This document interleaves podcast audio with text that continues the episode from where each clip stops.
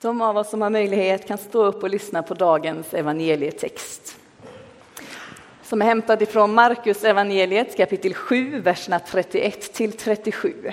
Har du en röd bibel som du fick med dig när du kom in i kyrkan så hittar du texten på sidan 712. Markus kapitel 7. Sedan lämnade han trakten kring Tyros och gick över Sidon till Galileiska sjön i Dekapolisområdet. Där kom de till honom med en man som var döv och knappt kunde tala. Och de bad Jesus lägga sin hand på honom. Han tog honom avsides från folket och stack fingrarna i hans öron och spottade och rörde vid hans tunga. Sedan såg han upp mot himlen, andades djupt och sa till honom Efata. Det betyder öppna dig. Med ens öppnades mannens öron och hans tunga löstes och han talade riktigt. Jesus förbjöd dem att berätta det för någon. Men ju mer han förbjöd dem, desto ivrigare spred de ut det. Och alla blev överväldigade och sa allt han har gjort är bra. Det döva får han att höra och det stumma att tala. Så lyder det heliga evangeliet. Lovad vare du, Kristus. Varsågod och sitt, men jag vill fortsätta läsa eh, i skriften och ifrån dagens gamla testamentliga text från Andra Moseboken. Kapitel 4 och vers 10. Vi kommer rakt in i ett samtal mellan Mose och Gud. Mose sade Förlåt din tjänare. Herre, men jag har inte ordet i min makt. Det har jag aldrig haft. Inte heller sedan du talat till mig. Orden kommer trögt och tveksamt. Herren svarade. Vem har gett människan hennes mun? Vem är det som gör henne stum eller döv, seende eller blind? Är det inte jag, Herren? Gå nu, jag ska själv vara med dig när du talar och lära dig vad du skall säga. Men Mose vädjade. Herre, jag ber dig. Sänd bud med någon annan, vem du vill. Då blev Herren vred på honom och sade Du har ju din bror Aron, leviten. Han kan tala, det vet jag. Han är redan på väg för att möta dig och han blir glad över att få se dig. Tala med honom och lägg orden i hans mun. Jag ska själv vara med både dig och honom när ni talar och visar vad ni skall göra. Han skall tala till folket för din räkning, så blir han din mun och du blir hans Gud. Staven skall du i hand, ha i handen, det är med den du skall utföra tecknen. Amen.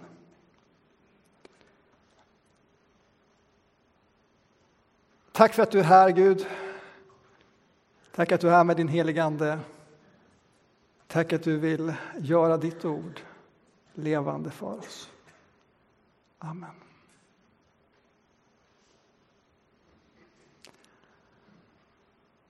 Ordet för dagen är frihet. Frihet är ett ord som kan, bland många andra storord i den kristna vokabulären, ibland kan kännas klyschigt och tappa sitt innehåll. Frihet är dock ett ord som är väl på tapeten i vårt samhälle. Inte minst, som Amanda sa, för att det är valtider.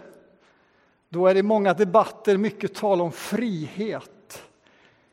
Men ofta i betydelsen valfrihet. Och inte i första hand att vi är fria att gå och rösta, utan att det finns ett stort utbud av val. Det kan gälla politiken, men det kan ju inte minst gälla shoppingen. konsumtionen. Jag såg den här reklamannonsen igår i GP. Frihet att välja är rubriken för det här bilmärket. Och ni ser nog inte vad som står under. Men lockelsen är att det finns en mängd erbjudanden som ökar min valfrihet som kund. Och det kopplas ihop med friheten att välja mellan många olika modeller. Och så där skulle vi kunna hålla på. Att det begreppet i vårt språk, i vårt land om frihet oftast är sammankopplat med just det finns en frihet att välja mellan en mängd olika ting. Och vi skulle kunna titta på många områden. Det jag vill ta med oss in i, i dagens predikan är hur förhåller sig vårt samhälles syn på frihet i bemärkelsen valfrihet när vi nu lyssnar till Bibelns budskap om frihet. Hur förhåller sig valfriheten i relation till Bibeln och Guds erbjudande om frihet? Det finns en mängd sätt att göra det på, det finns en mängd texter att ta sig an för att svara på den frågan. Eh, och jag har valt att, att eh, använda mig av dagens GT-text eh, som ju inleder en av de två stora historiska händelserna där Gud griper in i historien och vill manifestera sin längtan att få befria och ge människan frihet.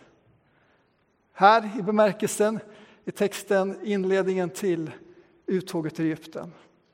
Och så ska vi kort beröra också den andra händelsen, historiska händelsen i Nya testamentet. Naturligtvis när Gud själv ger sitt liv på korset. Och vi ska bara ta oss an en liten, en liten anmärkning på de här, en liten gemensam sak på de här två eh, händelserna. Låt oss börja med Mose. En kort bara, Mose eh, har ju överlevt eh, ett, ett mord på hela sin generation som, som eh, barn. Och så blir han dessutom eh, adopterad in i faraos hushåll.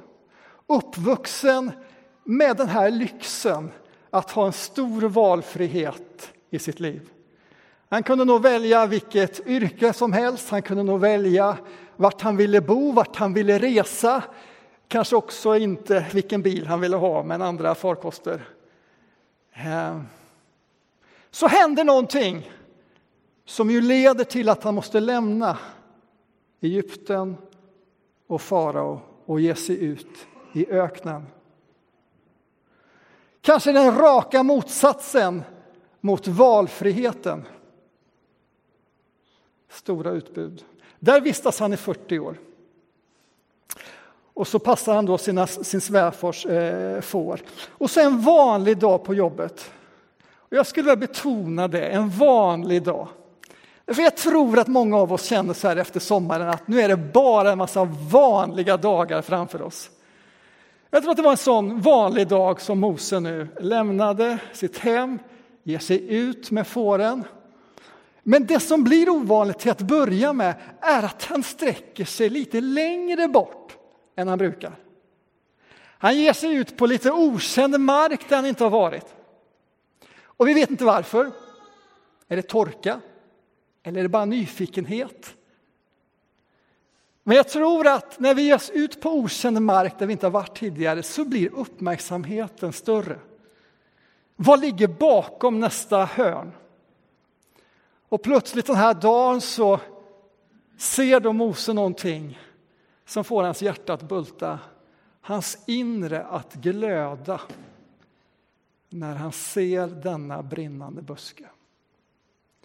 Och så inleds ett samtal med Gud som blir då starten på Guds befrielsegärning. Vad kännetecknar detta samtal?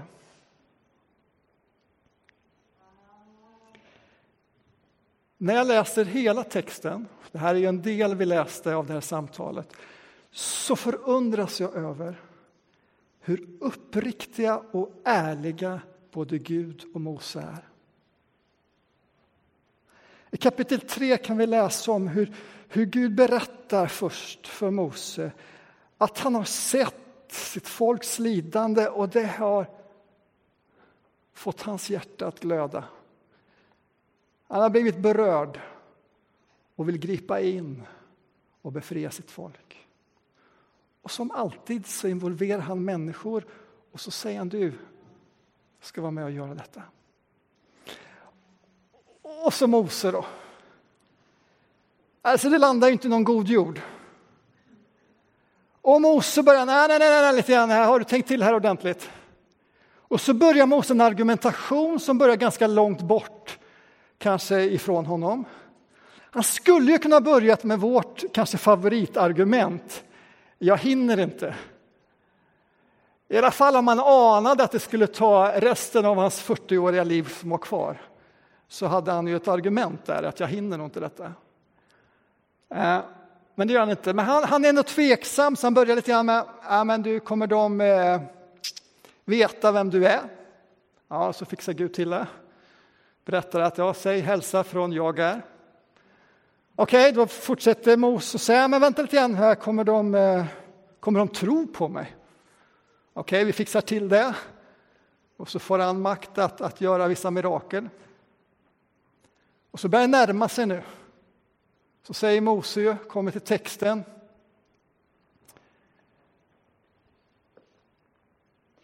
Jag måste erkänna en sak. Jag har väldigt dåligt självförtroende i att tala, säger han. Han kunde ju ha skylt kanske på Gud och tycka att det är argument nog för att slippa. Så talar Gud om det. Och så till slut så är vi framme vid själva kärnan där. När Mose till slut måste bara säga det han har sitt hjärta och vädja Gud, ta någon annan. Jag vill nog inte. Jag vågar inte. Jag kan inte.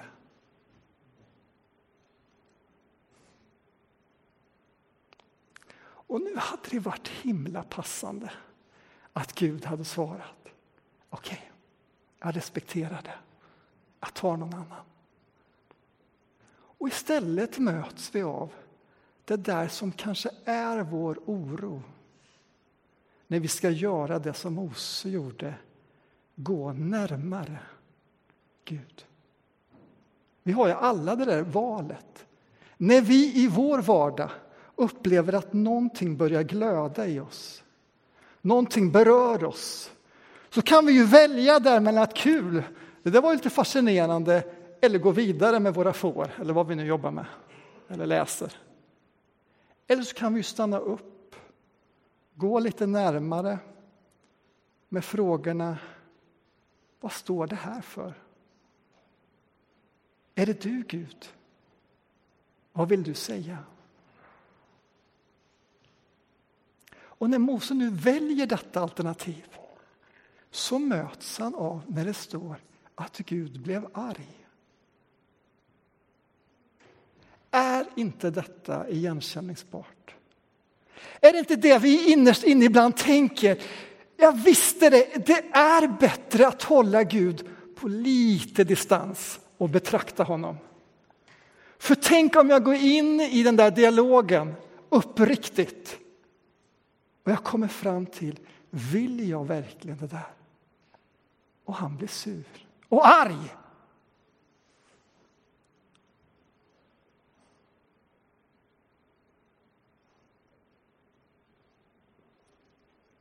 När jag är inför den här texten, har varit inför den och mediterat över den, så landar jag ändå i att Gud inte blir uppblåst. Det är inte några nyckfulla känslor. Han blir sur och trött på Mose. Men han är också uppriktig att han blev besviken.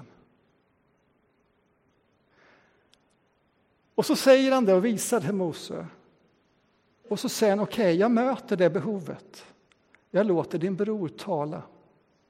Och det här måste vi veta att det är ett högt pris för Gud. För han är självklart medveten om att det här kommer kosta honom en dans kring en guldkalv. Men han gör det för att möta Moses önskan. Sen säger inte texten mer, men vi kan förmoda att Mose naturligtvis säger ja, jag går. För det är det som händer sen. Och så inleds denna Guds stora befrielsegärning.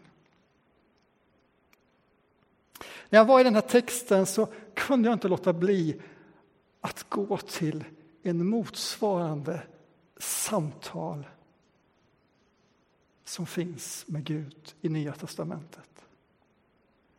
När sonen står inför sin uppgift att ge respons på Faderns önskan att han ska ge sitt liv för världen.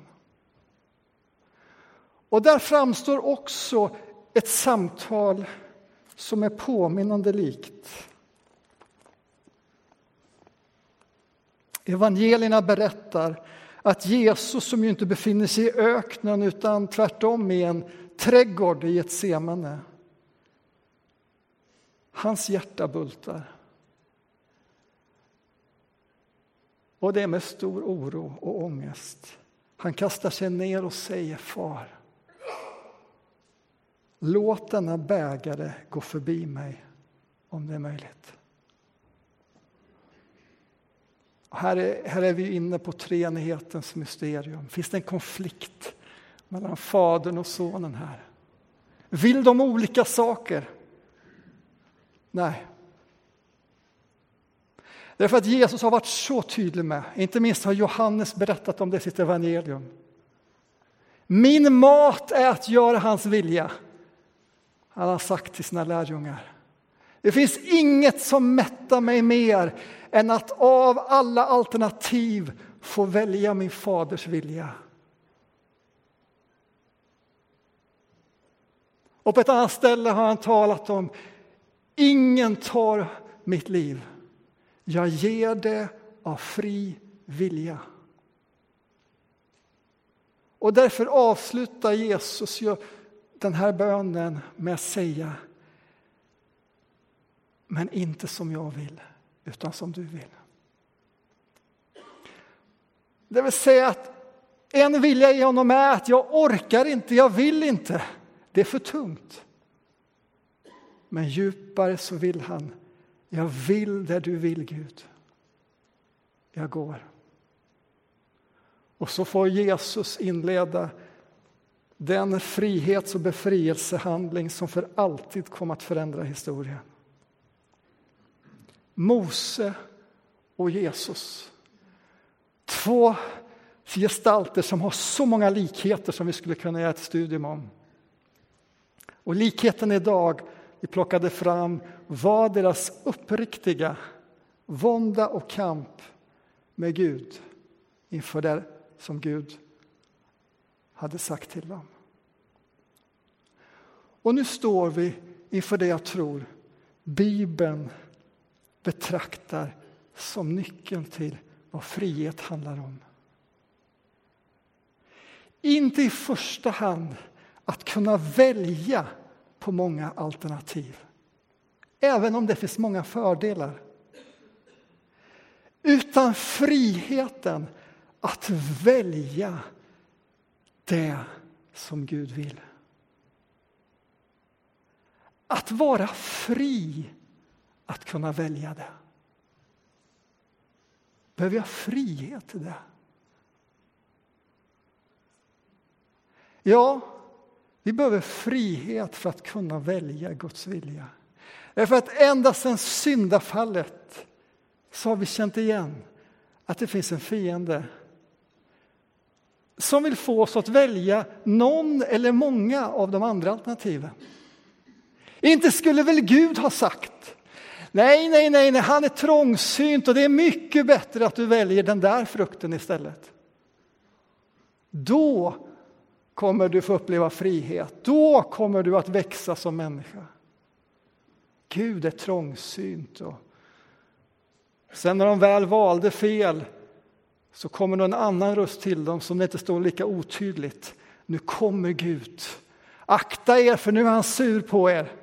Och så springer de och gömmer sig bakom buskarna.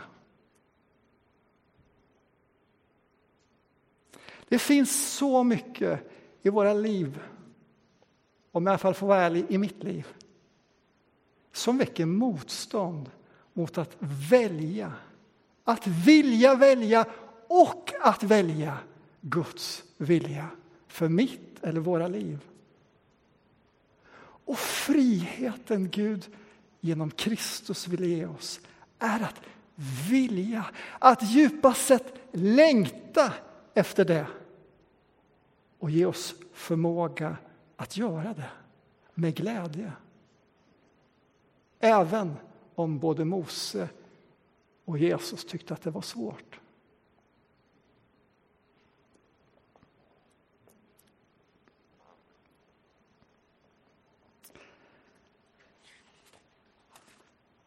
Ni märker att kontrasten jag gör upp mellan valfrihet och den här friheten som handlar om att välja kanske ett och vilja välja det och göra det. Jag har inte talat om, men vad är Guds vilja då?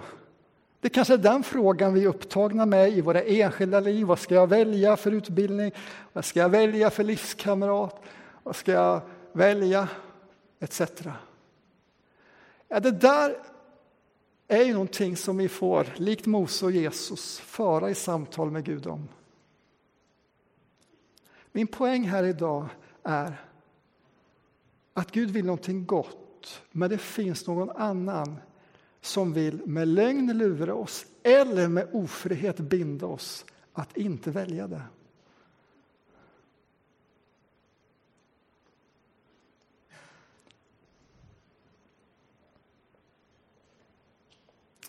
Att våga tala sant om vad jag känner och tänker när Gud inbjuder oss, talar till oss, sätter vårt inre i glöd är ett viktigt steg att ta emot den friheten. Att likt Mose och Jesus våga erkänna, jag vet inte om jag vill. Jag är rädd för att du kanske för mig någonstans. Kan jag verkligen lita på dig, Gud? Och vad jag tror att vi ibland behöver säga det riktigt tydligt till Gud så han får chans att respondera på det. Jag vill att vi ringar in detta i tre frågor. ska vi ta dem.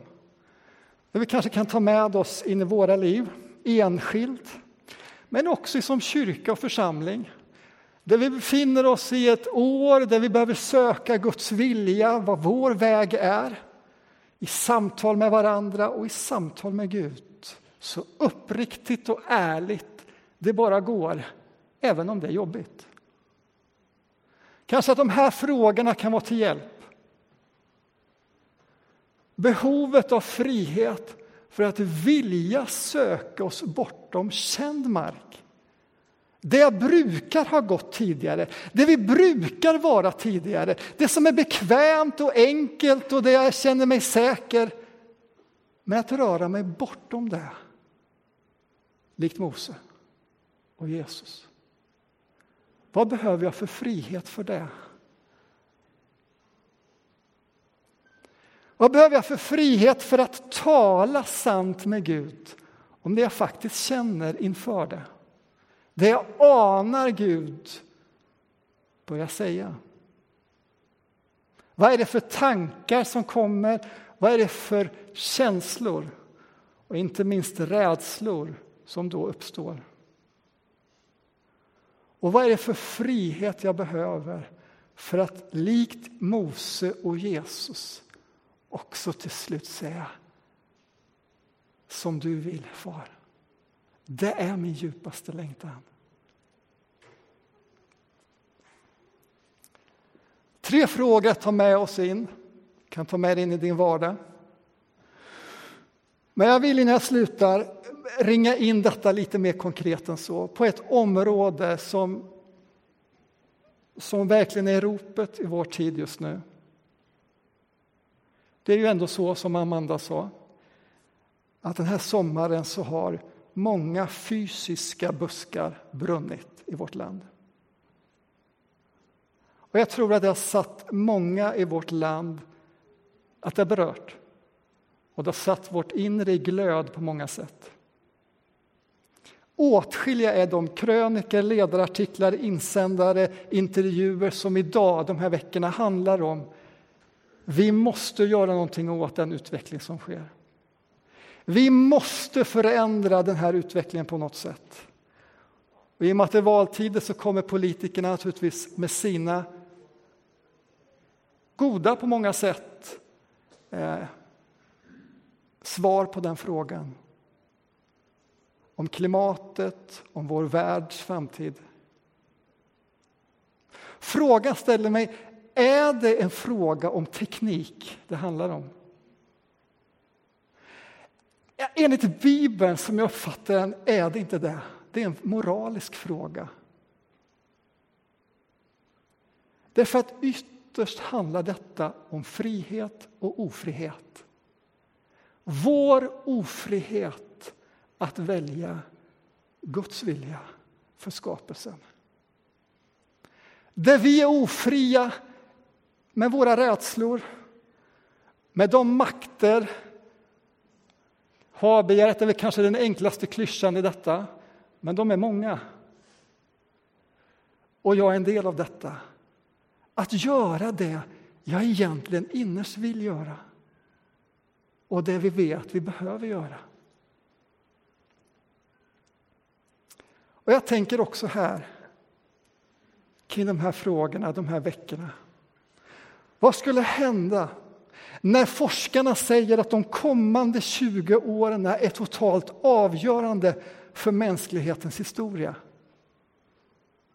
Vad skulle hända om jag, om vi, om Guds folk inbjuder friheten i Kristus in på detta område i våra liv?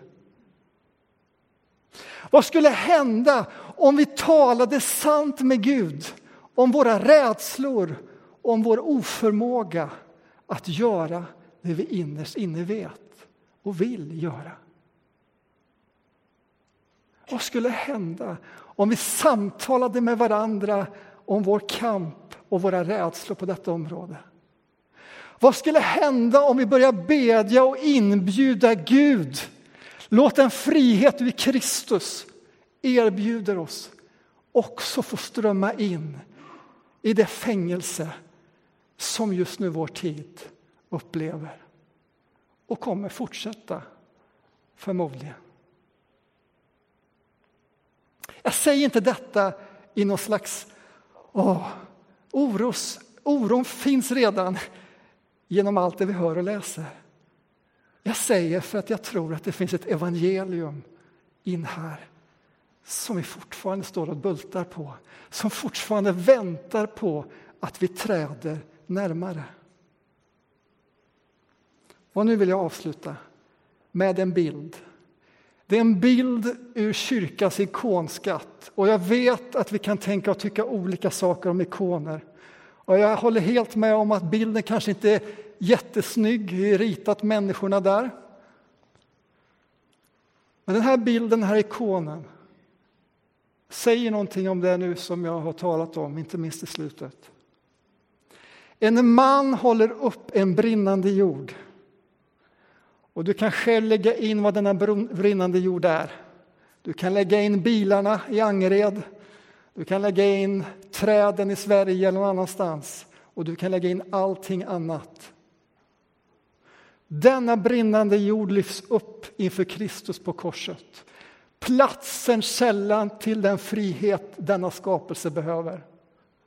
Och blodet från honom droppar över denna planet. Kanske att den bilden, jag ska låta den vara kvar, kan sätta lite grann glöd i våra liv och hjälpa oss in i det där ärliga samtalet med Gud. Gud, denna rädsla bär jag på. Dessa tankar fyller mig.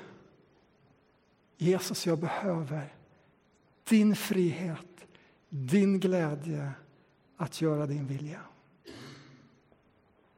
Amen.